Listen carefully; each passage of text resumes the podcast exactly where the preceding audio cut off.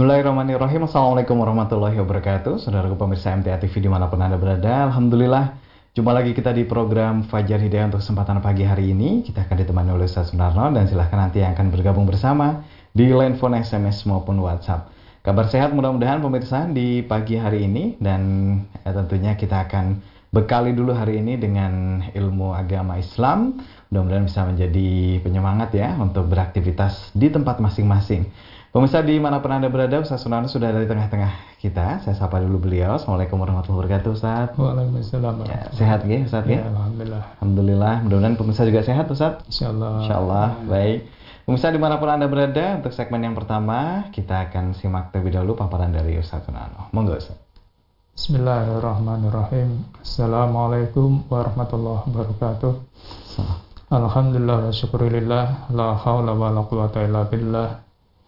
Illallah wa la syarika lah wa asyhadu anna Muhammadan abduhu wa rasuluhu la nabiyya ba'dahu ma ba'd. Allahumma salli wa sallim ala Muhammadin wa ala alihi wa sahbihi ajma'in. Saudaraku pemirsa dan pendengar di mana pun berada yang saya cintai, yang saya hormati Alhamdulillah pagi ini Allah senantiasa curahkan anugerah pada kita sehingga kita mengawali aktivitas kita dalam keadaan sehat walafiat. Saudaraku, pagi ini kita akan berbicara tentang anak, istri, dan harta adalah cobaan dari Allah SWT. Allah berfirman dalam surat At-Taghabun ayat 14 15 A'udzu billahi minasyaitonir rajim Ya ayyuhalladzina amanu wahai orang-orang beriman Inna min azwajikum wa auladikum aduwallakum Sesungguhnya ada di antara istrimu dan anak-anakmu yang menjadi musuh bagi kamu. Di sini ada harfu jerli tab'id. Min itu tidak semuanya. Tidak semuanya, tapi ada. Istri dan anak jadi musuh. Namun di sini arti yang kita gunakan adalah arti secara maknawiyah memang ada istri dan anak jadi musuh secara harfiah. Namun yang paling banyak adalah secara maknawiyah. Jadi Allah berfirman demikian itu untuk memperingatkan pada orang-orang beriman tentang suami, istri, dan anak. Bahwa di antara mereka ada menjadi musuh dalam artian karena sebab anak, sebab istri, sebab suami menjadikan sebab mereka melalaikan, mengabaikan ketaatannya pada Allah dan Rasulnya, melupakan kehidupan akhirat.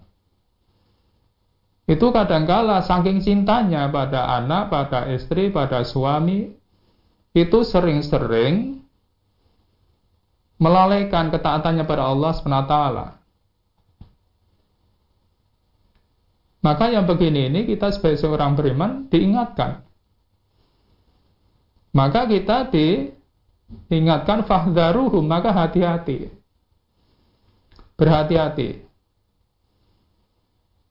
Kita boleh cinta pada suami, cinta pada istri, cinta pada anak, tapi tidak boleh mengabaikan apa yang diperintahkan oleh Allah SWT. Tidak boleh melupakan kehidupan akhirat. Karena rasa cintanya pada istri, pada anak, pada suami tadi. Sehingga kita selalu menuruti, bahkan tidak kuasa untuk menolak apa yang mungkin diingini oleh suami, oleh istri, oleh anak, walaupun sering-sering menerjang larangan agama. Itu tidak boleh terjadi. Maka dilanjutkan, Innama amwalukum wa auladukum fitnah. Hanya saja hartamu dan anakmu adalah cobaan. Wallahu indahu ajrun adim. Bahwa apa yang di sisi Allah adalah lebih besar. Maksudnya, di sini innama amwalukum fitnah. Hanya saja harta kalian itu cobaan. Maka untuk lebih jelasnya Rasulullah menjelaskan dalam hadis riwayat Abu Ya'la dan Al-Bazar An Sa'id bin Abi Waqqas radhiyallahu anhu Qala Rasulullah sallallahu alaihi wasallam La anna li fitnati sarra'i akhwafu alaikum min minal fitnati dharra Sungguh aku lebih khawatir terhadap kalian. Apabila kalian mendapatkan cobaan kesenangan, daripada kalian mendapatkan cobaan kesusahan, itu yang lebih dikhawatirkan. Karena sebagaimana disitir oleh firman Allah Subhanahu taala dalam surat Al-Fajr ayat 15 itu yang sudah sangat populer. Fa'amal insana Fa'amal insanu idza mabtalahu rabbuhu. Adapun manusia apabila diuji oleh Tuhannya wa akramahu wa na'amahu dimuliakan diberikan kesenangan-kesenangan wa yaqulu rabbi akraman mereka mengatakan Tuhanku memuliakan aku di sini akromani itu asalnya ada ya mutakalim di belakangnya. Jadi Allah memuliakan aku. Karena pangkatnya naik merasa dimuliakan. Karena hartanya melimpah merasa dimuliakan. Maka dijawab oleh Allah, kalla bukan begitu. Tidak sekali-kali. Karena sering-sering kalau orang sudah merasa begitu, kalau dalam pepatah Jawa itu ada kalimat mundak bondo, pundak neko-neko, itu kalau orang Jawa mengatakan. Karena apa? Dengan meningkatkan meningkatnya harta tidak diimbangi dengan iman, mesti yang tambah neko-nekonya. Ketika belum punya bondo, lugu, lurus, namun begitu hartanya melimpah, neko-nekonya yang tambah. Mudah duit tambah mentalit. Itu orang Jawa mengatakan begitu.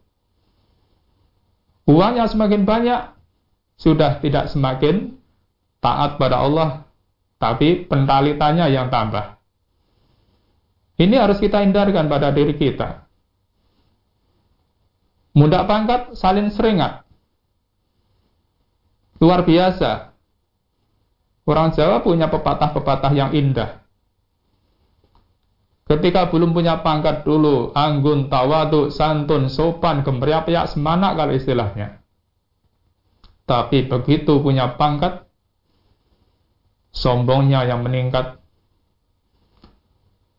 semanaknya hilang, sehingga jadi angkuh, jadi congkak, merasa akunya yang ditonjolkan. Maka yang demikian itu berarti kita tidak kuat mendapat ujian. Kesenangan itu nggak kuat berarti kita. Maka kita hati-hati. Ini diingatkan oleh Allah SWT.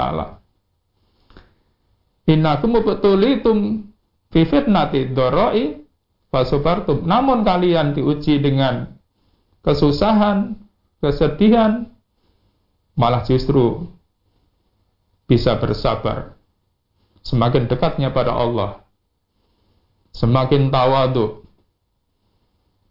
Maka yang begini ini, mari kita camkan pada diri kita masing-masing.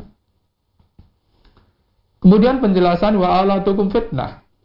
Anakmu cobaan bagi kamu. Diterangkan dalam hadis riwayat Imam At-Tabarani dikatakan An Abi Malik bin As'ari As'ari anna Rasulullah sallallahu alaihi wasallam laisa aduwaka alladhi in qatalta kana fawzal laka. Musuhmu itu bukan orang yang apabila kamu bunuh, kamu mendapatkan kemenangan. Kamu memperoleh kemenangan, bukan itu musuhmu yang sebenarnya. Wa in qatalaka tafalta jannah. Kalau mereka membunuh kamu, kamu masuk surga. Bukan itu walakin alladhi la'allahu aduwan laka waladuka alladhi kharaja min sulbika. Namun, boleh jadi musuhmu itu adalah anakmu yang keluar dari sulbimu. Maksudnya apa? Maka kalau kita itu punya anak, mari kita didik, kita arahkan, kita pahamkan pada agama supaya mereka menjadi anak yang soleh dan solehah. Karena kalau tidak akan menjadi musuh orang tuanya. Akan menjadi musuh orang tuanya. Maka ini perlu kita perhatikan.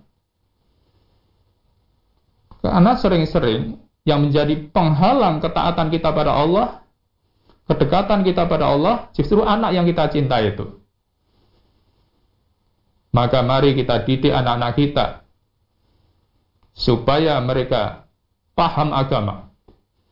Maka kalau anak kita tidak kita paham agama, akan menjadi perintah bagi orang tuanya dalam mentaati Allah dan Rasulnya. Padahal Nabi memperingatkan kita.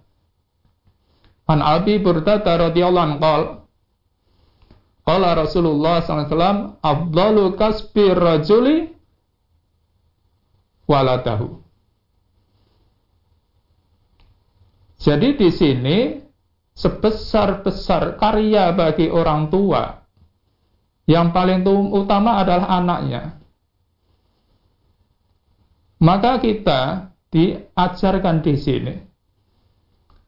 Boleh kita itu berhasil dalam hal materi. Boleh kita itu sukses dalam hal karir. Namun jangan gagal dalam mendidik anak. Jangan gagal dalam mendidik anak. Karena karya kita itu yang lebih utama itu adalah dalam hal pendidikan anak. Maka kalau kita sukses dalam hal ekonomi, karir yang lain, namun gagal dalam mendidik anak kita, berarti kita nggak sukses. Maka itu jangan terjadi pada kita. Saudaraku, kemudian dilanjutkan Tuma ada adwallaka malukal ladhi malakat yaminuka. Kemudian musuh bebuyutanmu adalah harta yang kamu miliki. Hadis riwayat atau barone. Maksudnya orang yang meningkat duniawinya, meningkat hartanya, namun tidak diimbangi dengan peningkatan takwa dan imannya kepada Allah SWT. Maka bisa dipastikan bahwa kemajuan dunianya, peningkatan hartanya, itu justru menjadi sebab kerusakan dirinya, kerusakan rumah tangganya, dan bahkan dia menjadi rugi dunia dan akhirat. Maka ini tidak boleh terjadi. Maka kita diingatkan oleh Allah SWT. Saudaraku, Semoga kita bisa mengambil pelajaran dengan apa yang difirmankan Allah dan disabdakan oleh Rasulullah ini dalam rangka kita untuk meniti kehidupan kita supaya selamat dunia dan akhirat kita. Begitu, terima kasih.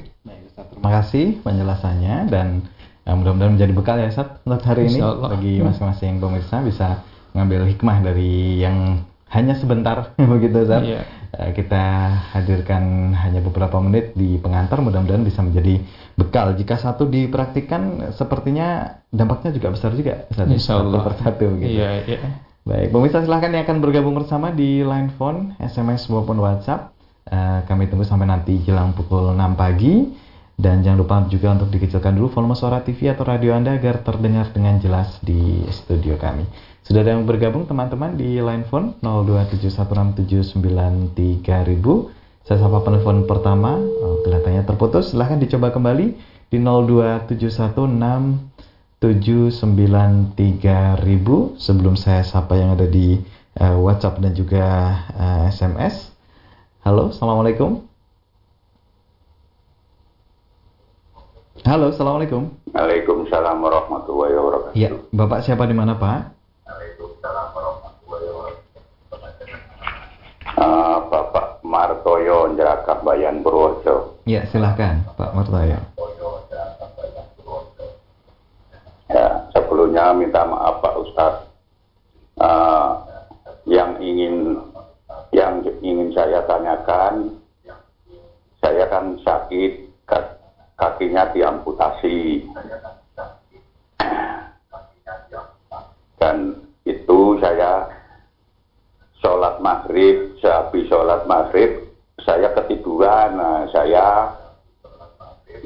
isaknya sampai mau subuh.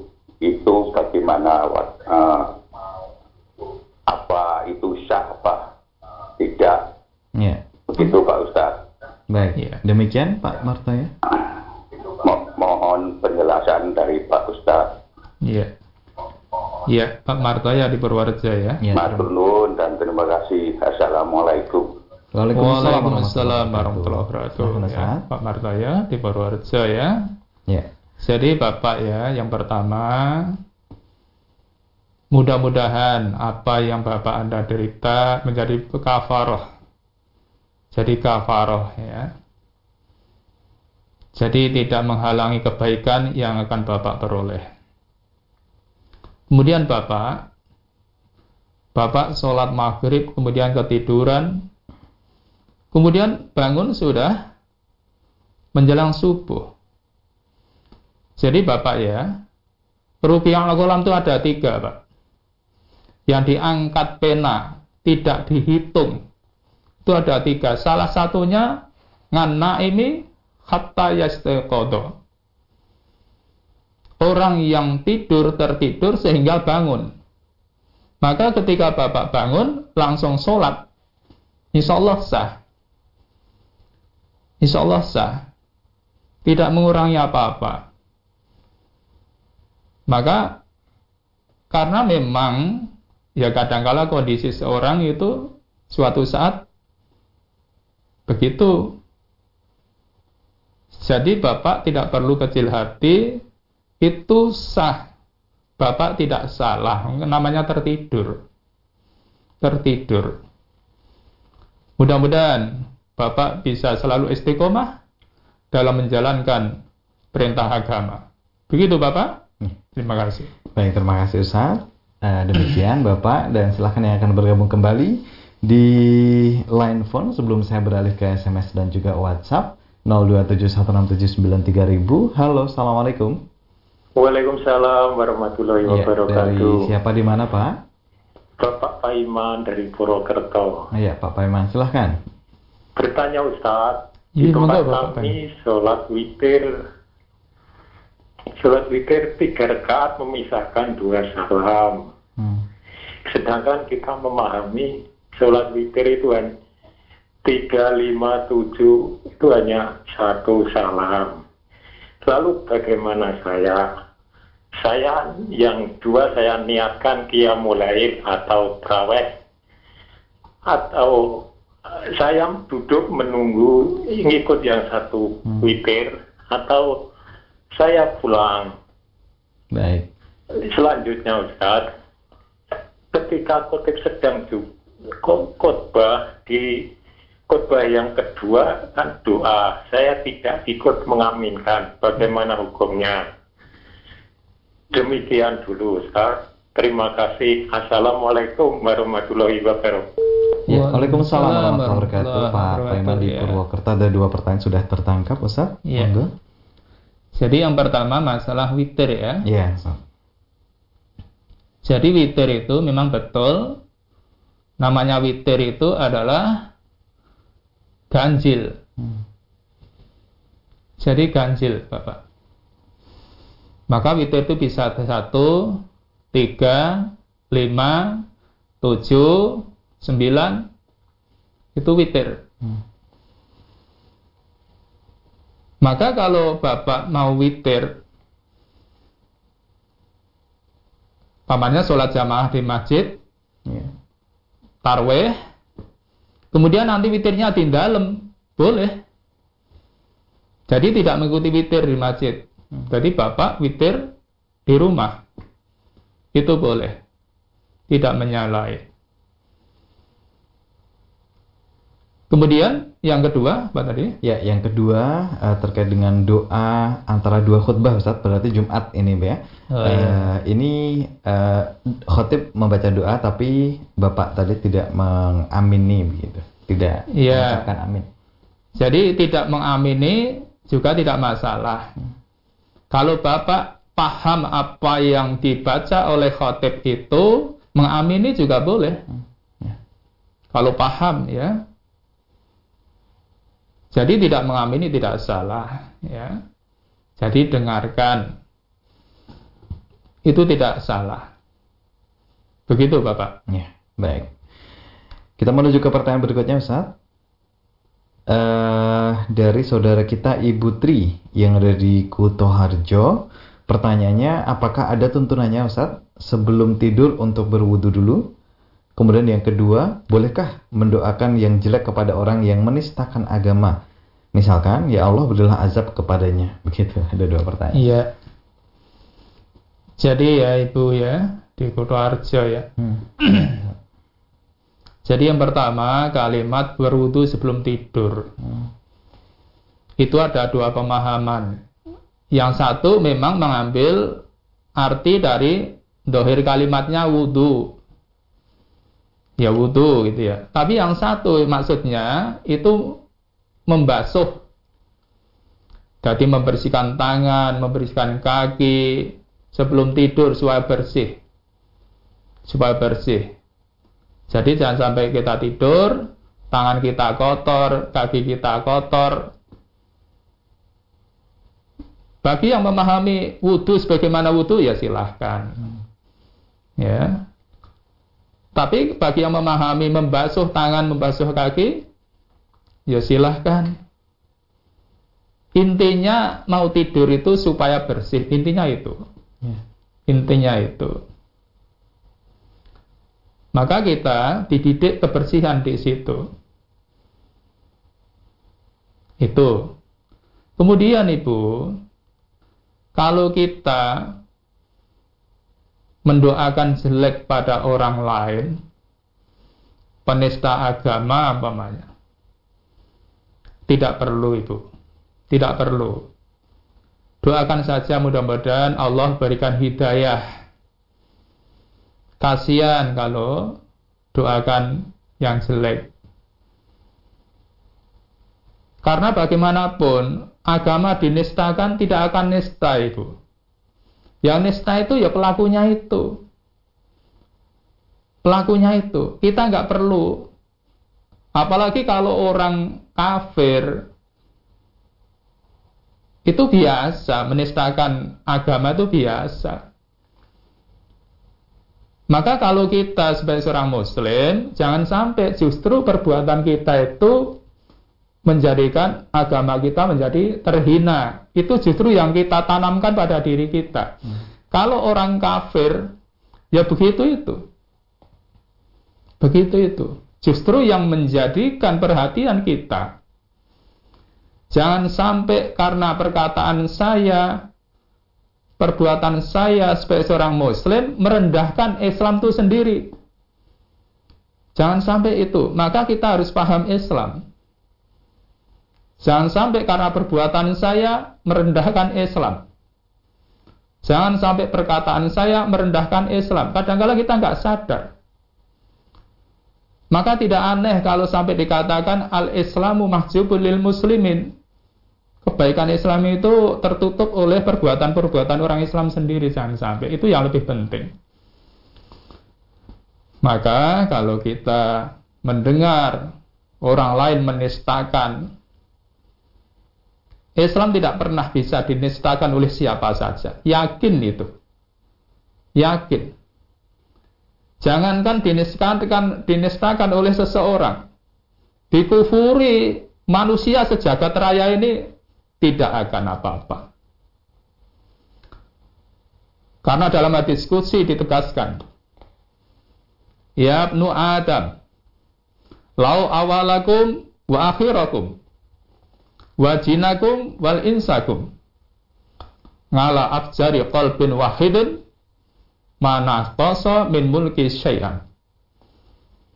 Seandainya orang awal dulu sampai akhir zaman nanti menjadi pendurhaka-pendurhaka, kufur semua,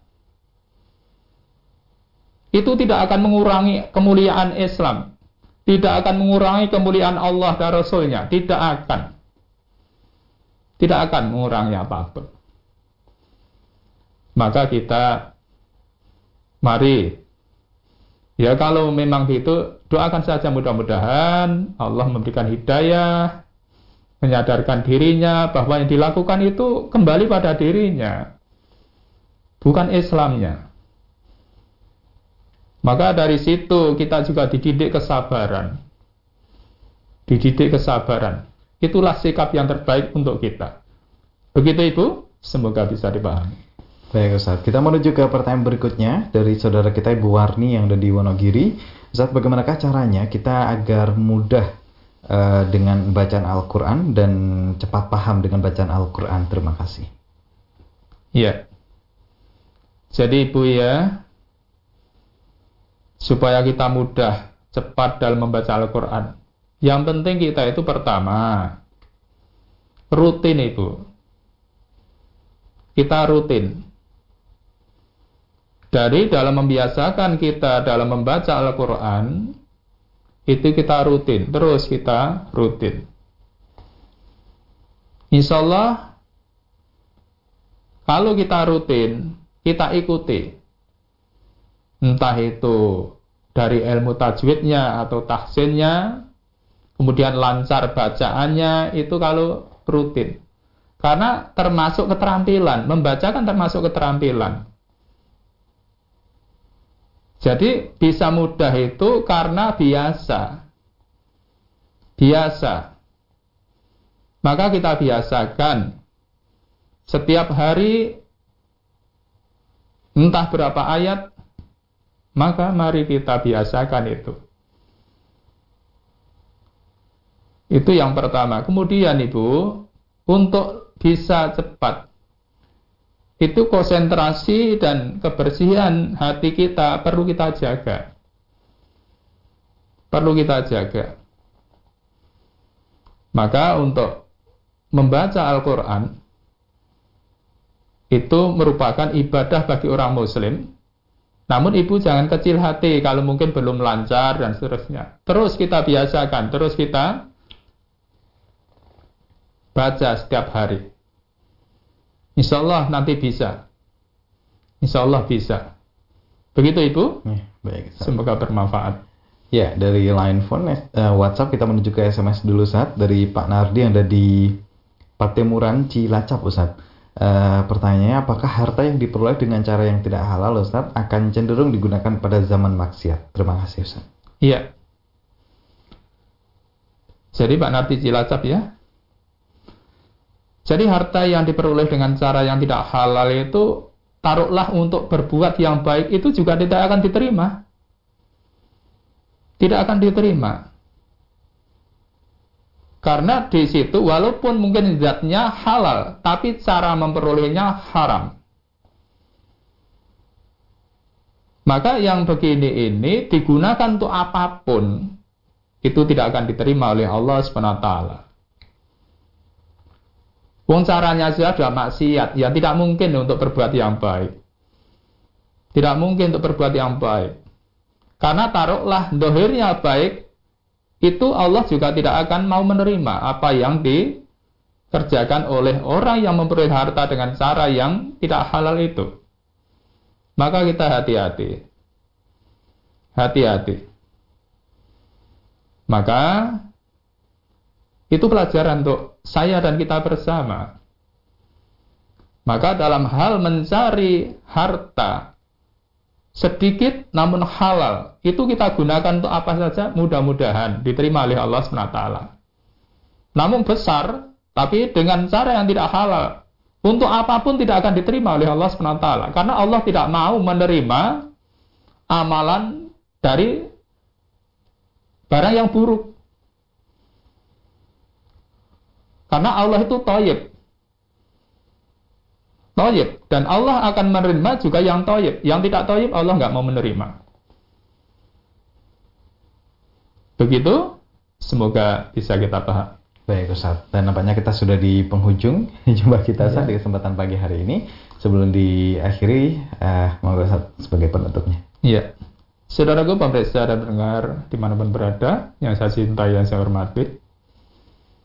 Jadi dalam pembicaraan hari ini kita bicara tentang anak, istri, dan harta adalah ujian cobaan dari Allah SWT maka mari kita kelola sebaik-baiknya. Kita didik istri kita, kita didik anak-anak kita, supaya paham agama. Termasuk kita dalam memperoleh harta, itu ingat, itu ujian. Apa pun yang diberikan pada kita ujian.